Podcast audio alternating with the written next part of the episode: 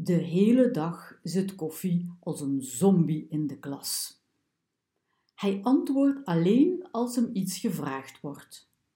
Zijn huiswerk heeft hij niet bij zich. Zijn zwemspullen ook niet. In het zwembad zit hij aan de kant en kijkt hij door het raam. Telkens als Thijs met zijn hoofd boven water komt, ziet hij Koffie zitten. Waar denkt Koffie nu aan? Zou hij bang zijn dat het echt doorgaat? Dat hij weer in Ghana moet gaan wonen en hier alles moet achterlaten? Zijn voetbalclub, zijn school, zijn vrienden.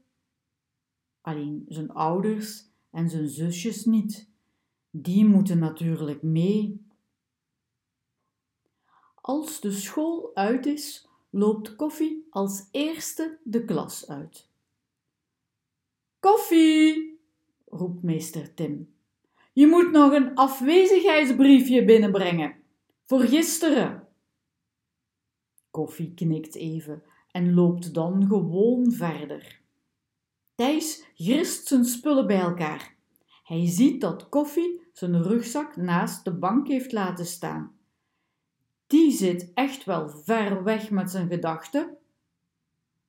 Thijs stopt alles in zijn rugzak en ook in die van koffie. Dan rent hij de gang op. Koffie, roept hij. Hij ziet hem niet. Elisa wijst. Koffie liep die kant op. Scheelt er iets? Hebben jullie ruzie? Hij zag er nogal boos uit. Thijs schudt zijn hoofd. Hij loopt de kant op die Elisa aanwees, achter het sportveld. Eerst ziet hij niemand. Alle kinderen lopen naar de uitgang, de andere kant op. Maar dan ziet hij de blauwe jas van Koffie achter een hoop snoeihout. Koffie zit op de grond.